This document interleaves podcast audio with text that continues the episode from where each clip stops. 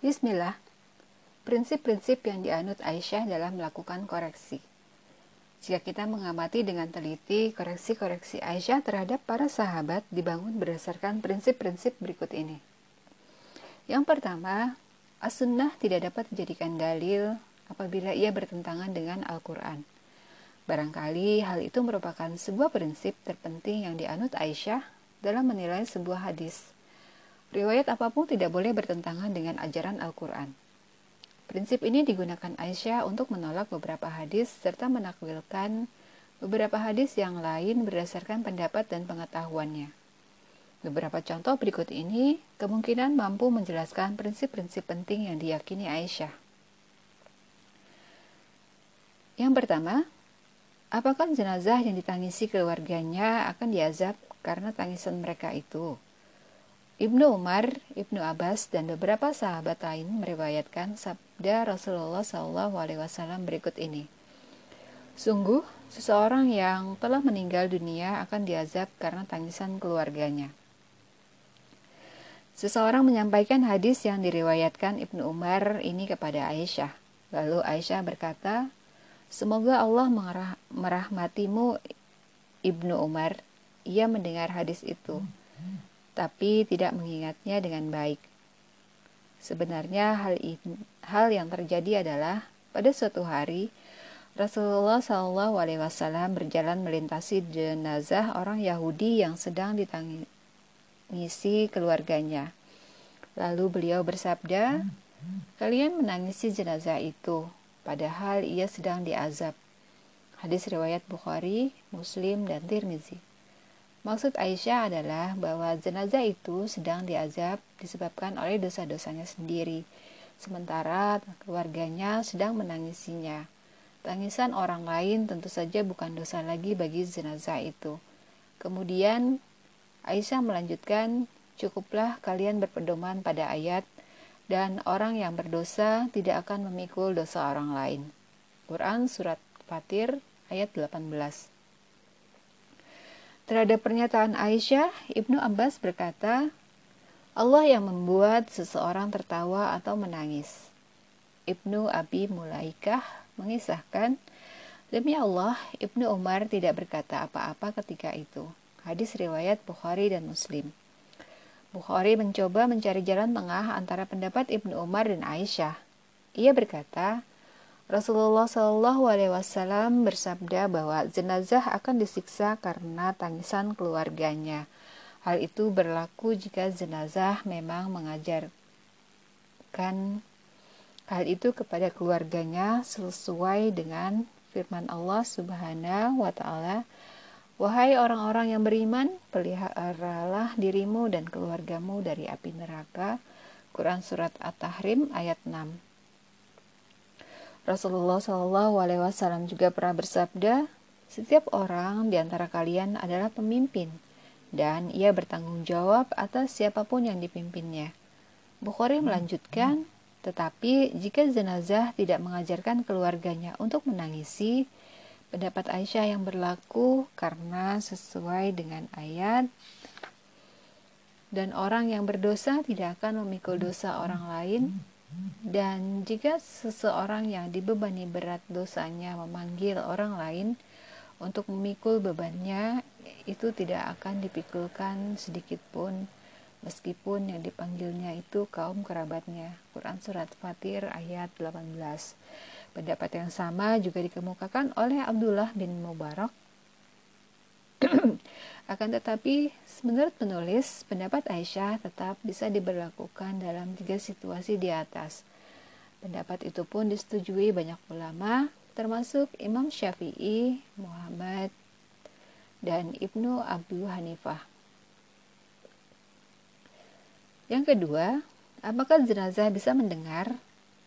Tentang hal itu, Ibnu Umar meriwayatkan hadis berikut ini. Rasulullah Shallallahu Alaihi Wasallam pernah memperhatikan orang-orang kafir yang meninggal dalam sebuah sumur tua. Kepada jenazah-jenazah itu beliau berkata, Tahukah kalian kini bahwa apa yang dijanjikan Allah itu benar-benar nyata? Mendengar ucapan beliau, para sahabat bertanya, engkau berbicara kepada orang-orang mati, wahai Rasulullah. Beliau menjawab, kalian tidak mendengar daripada mereka, hanya saja mereka tidak bisa menjawab. Hadis riwayat Bukhari. Pada riwayat lain, Umar bertanya, Wahai Rasulullah, engkau berbicara kepada jasad yang tidak memiliki yang tidak lagi memiliki roh. Rasulullah Shallallahu Alaihi Wasallam menjawab, demi Dia yang menggenggam jiwa Muhammad, kalian tidak lebih mampu mendengar apa yang aku ucapkan daripada mereka. Hadis riwayat Bukhari. Ketika Aisyah mendengar hadis itu, ia berkata, sebenarnya maksud Rasulullah Wasallam adalah bahwa kini para jenazah itu telah mengetahui bahwa apa yang pernah beliau sampaikan kepada mereka merupakan suatu hal yang nyata. Kemudian Aisyah membaca ayat, Sungguh, engkau tidak dapat menjadikan orang-orang orang yang mati dapat mendengar dan tidak pula menjadikan orang yang tuli dapat mendengar seruan apabila mereka telah berpaling ke belakang. Quran Surat An-Naml ayat 80 Hadis riwayat Bukhari, Muslim, dan Nasai Para ulama hadis mencoba mengompromikan dua pendapat ini. Abu Qatadah, seseorang yang berasal dari kalangan tabi'in, berkata, Allah menghidupkan kembali orang-orang mati itu sehingga mereka bisa mendengar ucapan dan celaan Rasulullah Shallallahu Alaihi Wasallam. Hadis riwayat Bukhari. Artinya, Allah mengembalikan kemampuan pendengaran mereka untuk sementara waktu. Hal itu pun merupakan mujizat Rasulullah Shallallahu Alaihi Wasallam. Yang ketiga, benarkah ketidakmamura Benarkah ketidakmujuran ada dalam tiga hal? Perempuan, binatang, dan rumah. Aisyah pernah diberitahu bahwa Abu Hurairah meriwayatkan hadis berikut ini dari Rasulullah Wasallam. Ketidakmujuran itu terletak pada tiga hal, perempuan, binatang, dan tempat tinggal. Mendengar hal itu, Aisyah berkata, Abu Hurairah tidak mendengar hadis itu dengan baik. Sebenarnya Rasulullah Wasallam bersabda, Semoga Allah membinasakan kaum Yahudi. Mereka mengatakan bahwa ketidakmujuran terletak pada tiga hal, tempat tinggal, perempuan, dan kuda. Hadis riwayat Tayalisi. Tampaknya Aisyah ingin mengatakan bahwa Abu Hurairah hanya mendengar bagian akhir hadis itu dan tidak mendengar bagian awalnya. Abu Burdah mendatangi Aisyah dan berkata, "Wahai ibunda, sampaikanlah kepadaku sesuatu yang engkau dengar dari Rasulullah Shallallahu Alaihi Wasallam." Lalu Aisyah berkata bahwa Rasulullah Shallallahu Alaihi Wasallam bersabda, "Burung pun terbang berdasarkan takdir yang ditetapkan Allah." Kemudian Aisyah menyatakan, bahwa Rasulullah Shallallahu Alaihi Wasallam menyukai setiap pertanda yang baik. Hadis riwayat Ahmad. Dalam riwayat lain dikisahkan bahwa ketika Aisyah mendengar hadis tentang ketidakmujuran yang diriwayatkan Abu Hurairah di atas, ia berkata, Demi dia yang telah menurunkan Al-Quran kepada Muhammad, sungguh bukan hal seperti itu yang telah beliau sabdakan. Lalu Aisyah membaca ayat, setiap bencana yang menimpa di bumi dan yang menimpa dirimu sendiri, seluruhnya telah tertulis dalam kitab Lauful, Lauful Mahfuz sebelum kami mewujudkannya. Quran Surat Al-Hadid ayat 22. Akan tetapi ada periwayat lain yang bisa dijadikan jalan kompromi antara pendapat Aisyah dan Abu Hurairah. Salah satunya adalah sabda Rasulullah SAW Ketidakmujuran memang benar-benar ada pada sesuatu, maka ia terletak pada tiga hal.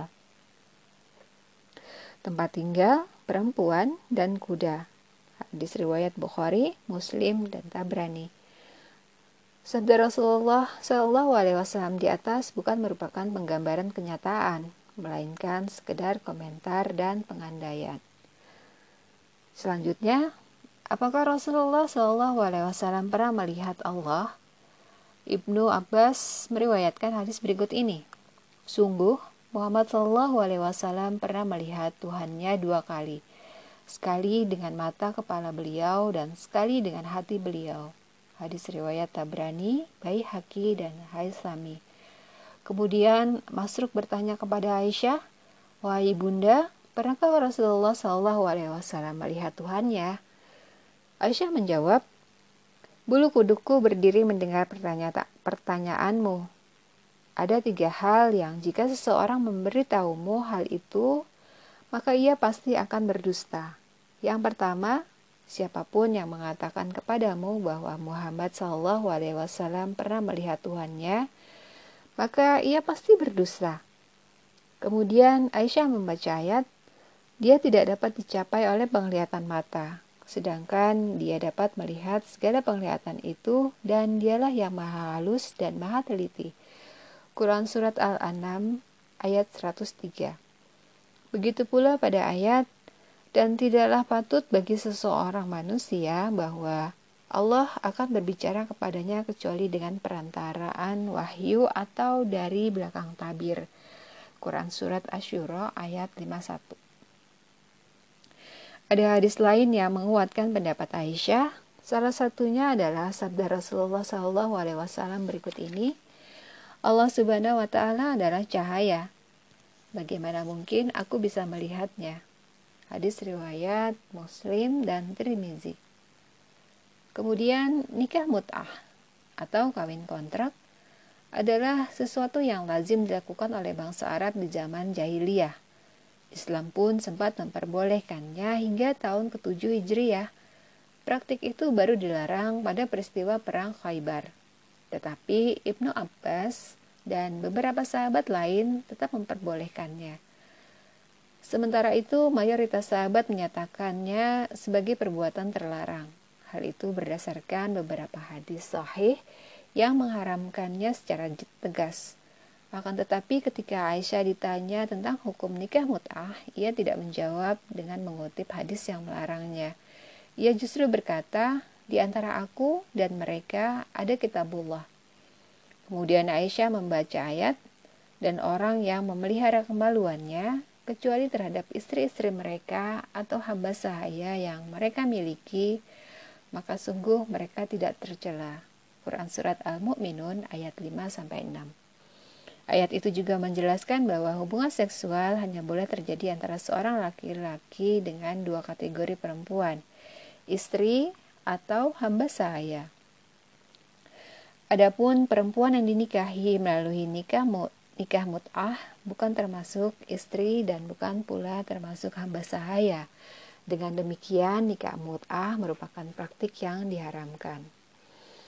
Kemudian, benarkah anak yang dilahirkan akibat perzinaan merupakan pihak yang terburuk dari tiga orang? Ayahnya, ibunya, dan dirinya sendiri. Aisyah pernah mendengar bahwa Abu Hurairah meriwayatkan hadis berikut ini dari Rasulullah Wasallam. Anak zina merupakan yang terburuk dari tiga orang. Kemudian Aisyah berkata, maksud hadis itu bukan seperti itu. Di masa Rasulullah Wasallam pernah ada orang munafik yang selalu menyakiti beliau. Lalu Rasulullah Shallallahu Alaihi Wasallam berkata, siapakah yang bisa melindungiku dari orang ini? Seseorang menjawab, Wahai Rasulullah, orang itu adalah anak hasil hubungan zina. Kemudian Rasulullah Shallallahu Alaihi Wasallam berkata, ia merupakan yang terburuk dari tiga orang. Kemudian Aisyah membaca ayat, dan seseorang tidak akan memikul beban dosa orang lain. Quran Surat Al-An'am ayat 164. Tampaknya Aisyah ingin mengatakan bahwa dosa atas perbuatan zina adalah dosa bagi kedua pelakunya. Adapun anak hasil hubungan perzinaan sama sekali tidak menanggung dosa atas perbuatan yang dilakukan kedua orang tuanya. Yang kedua, harus dipahami dengan mendalami makna dan intinya Perbedaan pendapat yang terjadi di antara para sahabat menyangkut periwayatan hadis-hadis tertentu kadang-kadang berpulang pada perbedaan mereka dalam memahami makna dan kandungannya. Aisyah termasuk salah satu di antara orang-orang yang dianugerahi kekuatan pemahaman dan kecerdasan yang luar biasa. Anugerah itu membuatnya mampu memahami sunnah Nabi dan menghayati spiritnya dengan benar. Berikut ini merupakan beberapa contoh yang menunjukkan kekuatan pemahaman Aisyah. Abu Hurairah meriwayatkan bahwa Rasulullah Shallallahu Alaihi Wasallam bersabda, ada seorang perempuan yang masuk neraka hanya disebabkan oleh seekor kucing. Ia mengikat kucing itu, tidak memberinya makan, dan tidak pula membiarkannya untuk mencari makanan sendiri. Akhirnya kucing itu pun mati kelaparan. Hadis riwayat Bukhari dan Muslim. Suatu hari Abu Hurairah mendatangi Aisyah. Aisyah bertanya, "Wahai Abu Hurairah, engkaukah yang meriwayatkan hadis tentang seorang perempuan yang diazab karena ia mengikat kucingnya?" serta tidak memberinya makan dan minum? Ya, aku mendengarnya dari Rasulullah Shallallahu Alaihi Wasallam. Jawab Abu Hurairah. Tahukah engkau bagaimana keadaan perempuan itu? Tidak. Perempuan yang mengikat kucingnya itu adalah orang kafir, ujar Aisyah. Sungguh, seorang mukmin menempati posisi yang terhormat di sisi Allah. Sebuah posisi yang membuatnya tidak mungkin diazab hanya seekor hanya karena seekor kucing. Jika engkau meriwayatkan hadis dari Rasulullah Shallallahu Alaihi Wasallam, maka berusahalah untuk memahami apa yang engkau riwayatkan itu. Hadis riwayat Ahmad dan Tayalisi. Abu Salamah meriwayatkan bahwa ketika Abu Said Al-Khudri sedang menghadapi ajal, ia meminta seseorang untuk mengambilkan pakaian yang masih baru untuk ia kenakan. Kemudian Abu Said berkata, aku mendengar Rasulullah Shallallahu Alaihi Wasallam bersabda, "Sungguh, seorang manusia akan dibangkitkan dari kuburnya dengan mengenakan pakaian yang ia kenakan ketika ia meninggal." Hadis riwayat Abu Daud, Hakim, dan Baihaqi. Ketika Aisyah mendengar kisah itu, ia berkata, "Semoga Allah merahmati Abu Said." Adapun sesuatu yang dimaksud Rasulullah Wasallam sebagai pakaian di dalam hadis itu adalah amal perbuatan manusia. Rasulullah Wasallam juga pernah bersabda, sungguh kalian akan dibangkitkan dari kubur dalam keadaan tanpa alas kaki, telanjang dan belum dihitan. Hadis riwayat Bukhari dan Muslim. Dalam riwayat yang lain, Rasulullah Wasallam menambahkan dengan berjalan kaki. Islam mewajibkan seorang istri yang ditalak untuk menghabiskan masa idah di rumah suaminya. Tetapi Fatimah binti Qais mengisahkan pengalaman yang berbeda. Ia menuturkan bahwa Rasulullah Shallallahu Alaihi Wasallam mengizinkannya untuk tidak tinggal di rumah suaminya selama masa idah. Kisah itu ia ceritakan di depan para sahabat. Mereka pun berbeda pendapat. Sebagian menerima dan sebagian lainnya menolak. Suatu hari Yahya bin Said bin As menceraikan istrinya, yang juga merupakan putri Abdurrahman bin Hakam. Abdurrahman segera mengajak putrinya untuk meninggalkan rumah Yahya. Ketika itu, penguasa Madinah adalah Marwan bin Hakam. Mengetahui kasus Yahya dan istrinya, Aisyah segera mengirim pesan kepada Marwan dan yang berbunyi, Bertakwalah kepada Allah dan kembalikanlah istri Yahya ke rumah suaminya. Marwan membalas, Tidakkah engkau mengetahui kasus yang terjadi pada Fatimah binti Qais di, di masa Rasulullah? Aisyah menjawab, apa masalahnya bagimu jika engkau tidak menyebut kasus Fatimah? Hadis riwayat Bukhari dan Muslim. Dalam riwayat lain, Aisyah berkata, tidak ada manfaat apa pun bagi Fatimah binti Qais untuk menyebarkan luas, menjembar luaskan kisahnya. Ibnu Abi Zinat menambahkan, Aisyah marah mendengar kisah itu. Ia berkata Fatimah berada di rumah yang tidak aman dan menakutkan. Karena itu Rasulullah Wasallam memberinya keringanan. Hadis riwayat Bukhari, Abu Daud dan Ibnu Majah.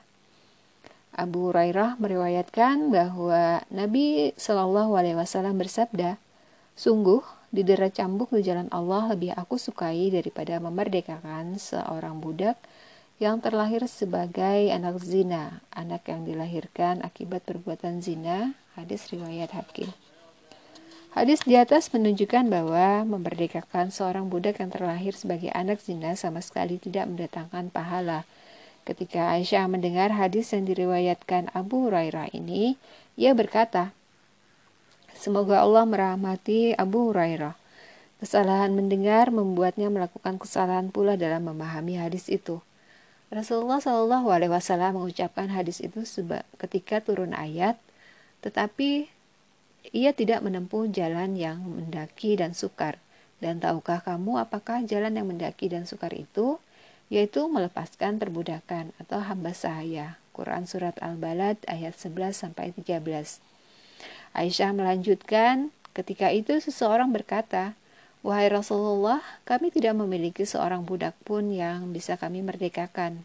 Tetapi ada seseorang di antara kami yang memiliki seorang pelayan perempuan berkulit hitam. Bolehkah kami menyuruh perempuan itu untuk berzina sehingga ia melahirkan anak? Lalu anak itu kami merdekakan.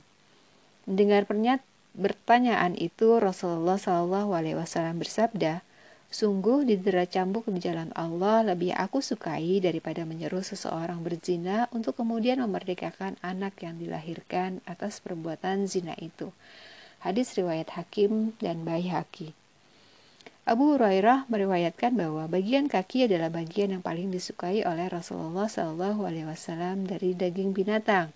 Hadis riwayat Bukhari, Muslim, Tirmizi, Ibnu Majah, dan Abu Daud.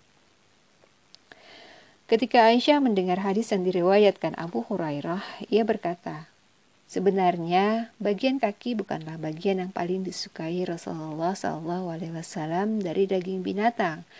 Hanya saja beliau jarang memakan daging, dan apabila beliau memakannya, maka bagian kaki inilah yang disuguhkan lebih dahulu, karena bagian itu memang bagian yang paling cepat matang. Hadis riwayat Tirmizi. Umar dan beberapa sahabat lain meriwayatkan sabda Rasulullah Shallallahu Alaihi Wasallam bahwa tidak ada sholat apa pun setelah sholat subuh dan asar. Ketika Aisyah mendengar hal itu, ia berkata, Umar salah memahami sabda Rasulullah SAW.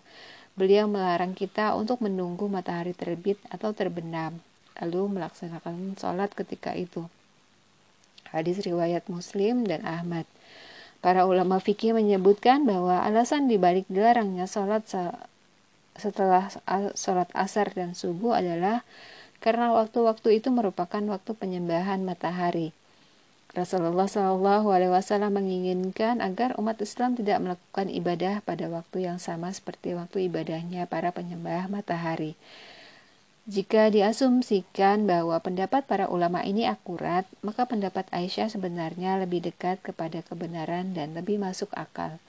Selain itu, dengan pendapatnya, Aisyah sebenarnya telah menunjukkan bahwa ia mampu memahami pemikiran logis dan tujuan dibalik ditetapkannya sebuah larangan Apabila ada sebuah hadis yang menyebutkan bahwa seseorang itu tidak sempat melaksanakan sholat sunnah sebelum subuh, ia boleh melakukannya setelah subuh.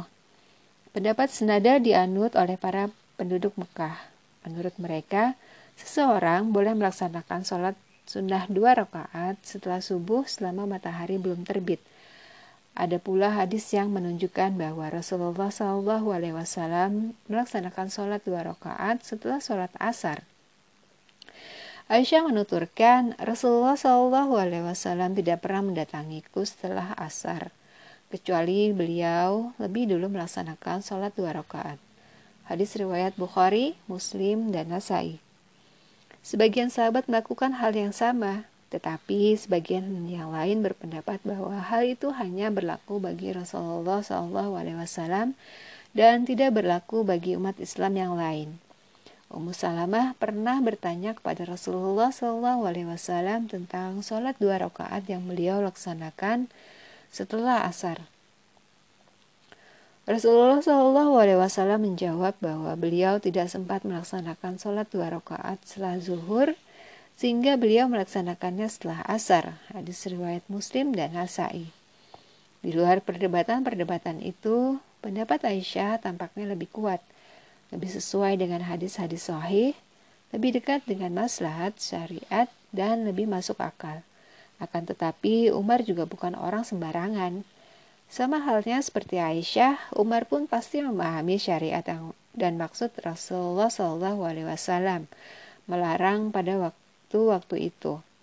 Pada dasarnya, ketika syariat sedang pada dasarnya, ketika syariat hendak melarang sesuatu, ia cenderung melarangnya secara total hingga mencapai akar-akarnya. Ketika syariat mengharamkan sholat pada waktu matahari terbit dan terbenam, maka wajarlah apabila ia juga melarang sholat setelah subuh hingga matahari terbit dan setelah asar hingga matahari terbenam, agar umat Islam tidak terdorong untuk melanggar larangan itu. Abu Hurairah meriwayatkan bahwa Rasulullah Shallallahu Alaihi Wasallam bersabda, Barang siapa yang tidak melaksanakan sholat witir, maka sama sekali tidak ada sholat baginya. Ketika Aisyah mendengar hadis itu, ia berkata, Siapakah yang pernah mendengar hadis itu dari Rasulullah? Demi Allah, belum lama beliau meninggal dan kuingat bahwa beliau pernah bersabda, Barang siapa yang datang pada hari kiamat, Barang siapa yang datang pada hari kiamat nanti dengan membawa amal sholat lima waktu, ia selalu memelihara wudhunya, melaksanakan sholat tepat waktu, serta melakukan ruku dan sujud sebaik-baiknya tanpa mengurangi sedikit pun dari semua itu, maka tidak ada lagi kewajiban baginya di sisi Allah. Dan Allah memiliki kebebasan untuk memberinya rahmat atau azab sesuai dengan kehendaknya. Hadis riwayat Tabrani. Aisyah hendak mengatakan bahwa sholat witir adalah sholat sunnah. Jika orang yang meninggalkannya dihukum, yaitu dengan tidak diterima seluruh amal sholatnya, maka itu berarti bahwa orang itu tidak akan mendapat ampunan dari Allah Subhanahu wa Ta'ala. Padahal hanya orang-orang yang meninggalkan sholat-sholat fardu saja yang layak untuk tidak diampuni, bukan orang yang sekedar tidak melaksanakan sholat sunnah. Yang ketiga, Aisyah memiliki kedekatan personal dengan Rasulullah Wasallam. Allah Subhanahu wa Ta'ala telah menyediakan bagi Aisyah segala hal dan kondisi yang bisa membuatnya menjadi salah satu pengemban terpenting ilmu-ilmu kenabian. Di sisi lain, Rasulullah Wasallam adalah sosok yang dijadikan teladan dan panutan seluruh umat Islam.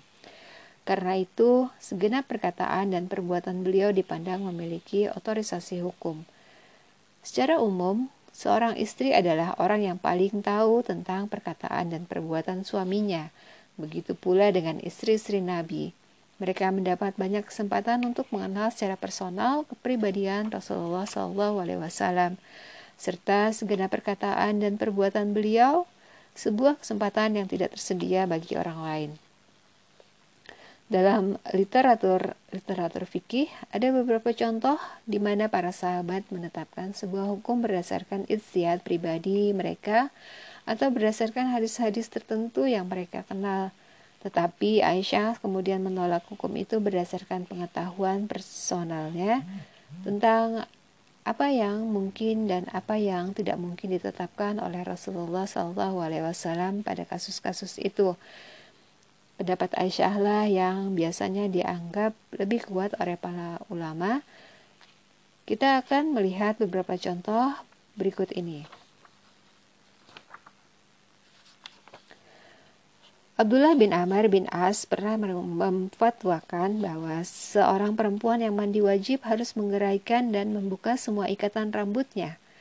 Ketika Aisyah mendengar hal itu, ia berkata, "Aneh, Aneh sekali pendapat Ibnu Amr. Ia memerintahkan kaum perempuan untuk menggeraikan rambut mereka ketika melakukan mandi wajib. Mengapa tidak ia perintahkan saja mereka untuk memangkas habis rambut mereka itu? Aku pernah mandi bersama Rasulullah Shallallahu Alaihi Wasallam dari suatu wadah. Ketika itu aku hanya mengguyur kepalaku dengan air sebanyak tiga kali dan tidak lebih dari itu. Hadis riwayat Muslim. Ibnu Umar berfatwa bahwa mencium istri bisa membatalkan wudhu.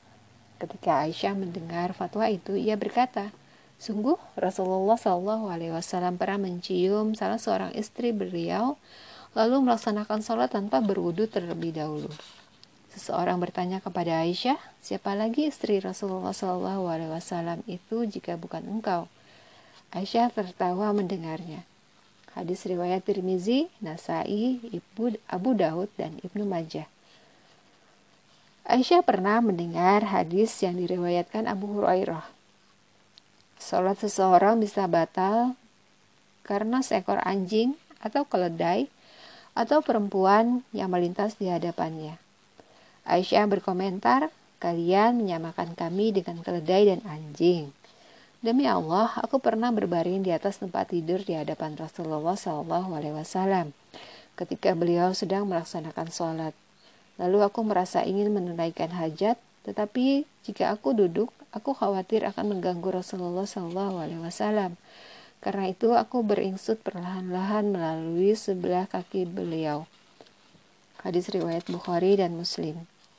Dalam riwayat lain, Aisyah menuturkan, aku ter Aku tidur dengan menjulurkan kedua kaki di hadapan Rasulullah Shallallahu Alaihi Wasallam ketika beliau sedang sholat.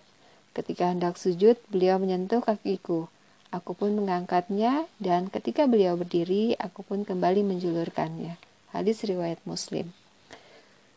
Suatu hari Abu Darda berkhotbah dan mengatakan, Barang siapa yang bangun ketika waktu subuh telah tiba, maka ia tidak berhak melaksanakan sholat witir.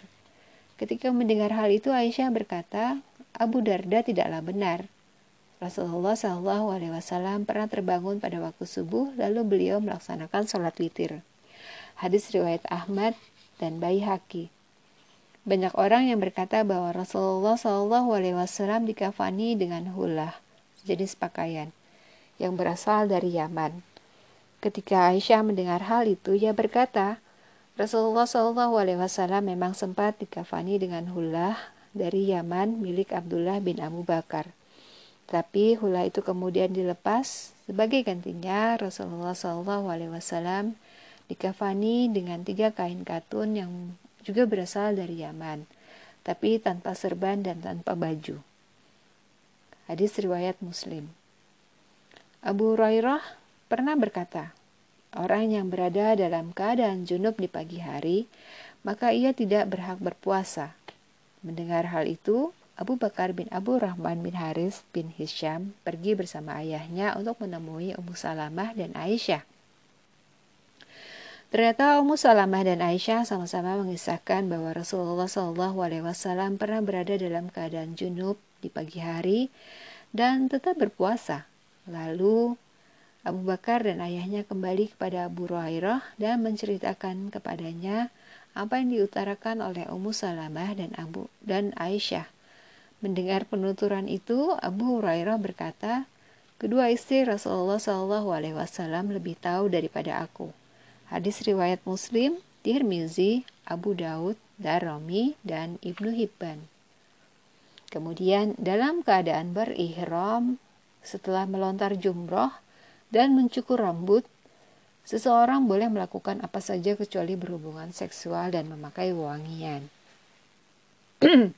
Tetapi Aisyah memperbolehkan penggunaan wangian dalam kondisi itu. Ia berkata sambil membentangkan kedua tangannya.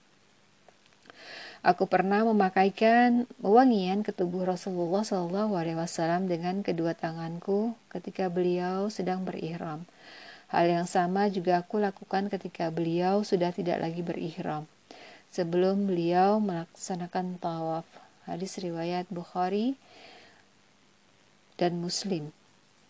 Ibnu Abbas pernah berfatwa tentang orang yang membawa binatang kurban atau hadiu dalam pelaksanaan ibadah haji.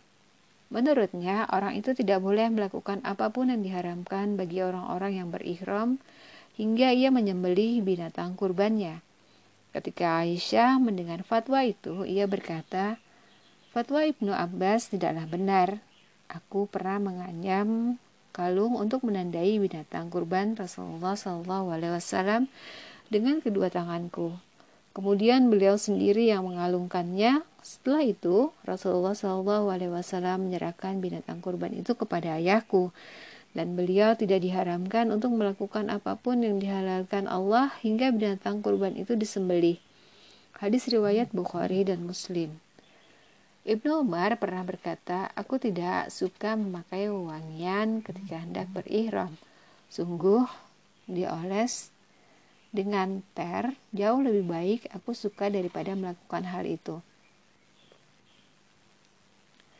Ketika Aisyah mendengar perkataan Ibnu Umar, ia berkata, Aku pernah memakaikan wewangian ke tubuh Rasulullah Shallallahu Alaihi Wasallam. Kemudian beliau pergi mengunjungi istri-istri beliau, lalu berihram di pagi hari itu juga. Hadis riwayat Bukhari, Muslim, dan Nasai.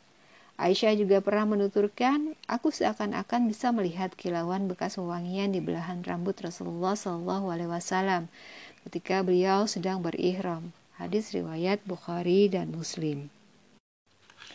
Yang keempat, hadis harus didasarkan pada ingatan yang kuat.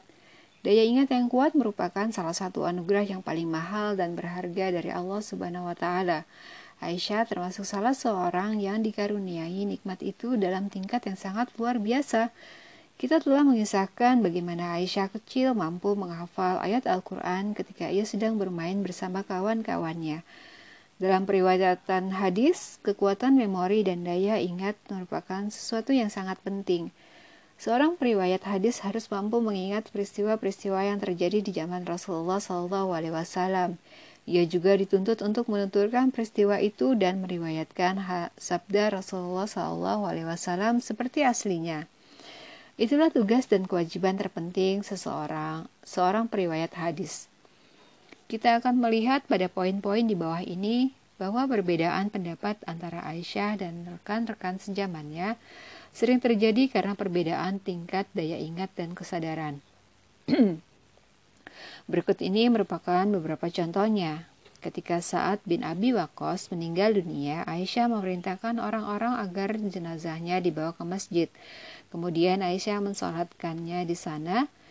Mengetahui hal itu, orang-orang pun melakukan protes terhadapnya. Aisyah menjawab, betapa cepat orang-orang lupa. Bukankah Rasulullah Shallallahu Alaihi Wasallam mensolatkan jenazah Suhail bin Baidoh di masjid?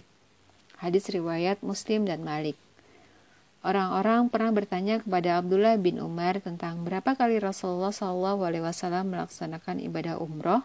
Ia menjawab empat kali, salah satunya pada bulan Rajab. Lalu Urwah bertanya kepada Aisyah, Wahai bunda, tidakkah engkau mendengar perkataan ibu Umna, Ibnu Umar? Aisyah bertanya, apa yang ia katakan? Ia mengatakan bahwa Rasulullah SAW melaksanakan ibadah umroh sebanyak empat kali dan salah satunya pada bulan Rajab. Aisyah menjawab, semoga Allah merahmati Ibnu Umar. Ia memang selalu menyertai Rasulullah SAW dalam setiap umroh yang beliau laksanakan. Tetapi beliau sama sekali tidak pernah melaksanakannya pada bulan Rajab. Hadis riwayat Bukhari dan Muslim. Ibnu Umar meriwayatkan Rasulullah SAW bersabda, satu bulan itu terdiri atas 29 hari. Aisyah mendengar hal itu, lalu ia berkata, Semoga Allah merahmati Ibnu Umar. Sungguh Rasulullah berkata, Sallallahu Alaihi Wasallam berkata, satu bulan itu kadang-kadang terdiri dari 29 hari. Hadis riwayat Ahmad. Beberapa sahabat termasuk Umar dan Ibnu Umar meriwayatkan sabda Rasulullah Sallallahu Alaihi Wasallam di bawah ini. Seseorang yang telah meninggal dunia akan diazab disebabkan oleh tangisan keluarganya.